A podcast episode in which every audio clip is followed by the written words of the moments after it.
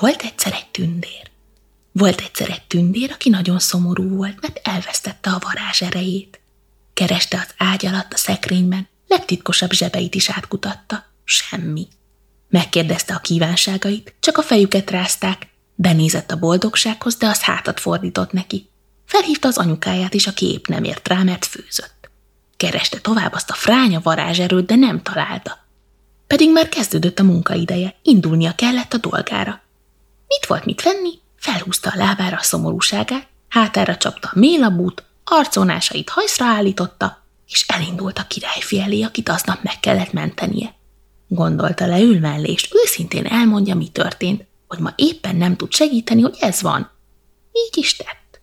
Ültek az útszélén, elmondta, hogy az van, hogy ez van. Szomorú, sóhajtott a királyfi, akkor hát ugrik a tündérszép Ilona meg fele királyság. Ugrik, bólogatott a tündér, ugrik bizony. Aztán csak ültek egymás mellett.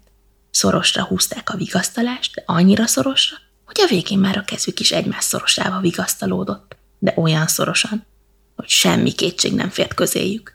A tündér arra gondolt, hogy a freszkarikát abba a varázs erőbe, hogy éppen olyankor nincs, amikor van, és éppen olyankor van, amikor nincs.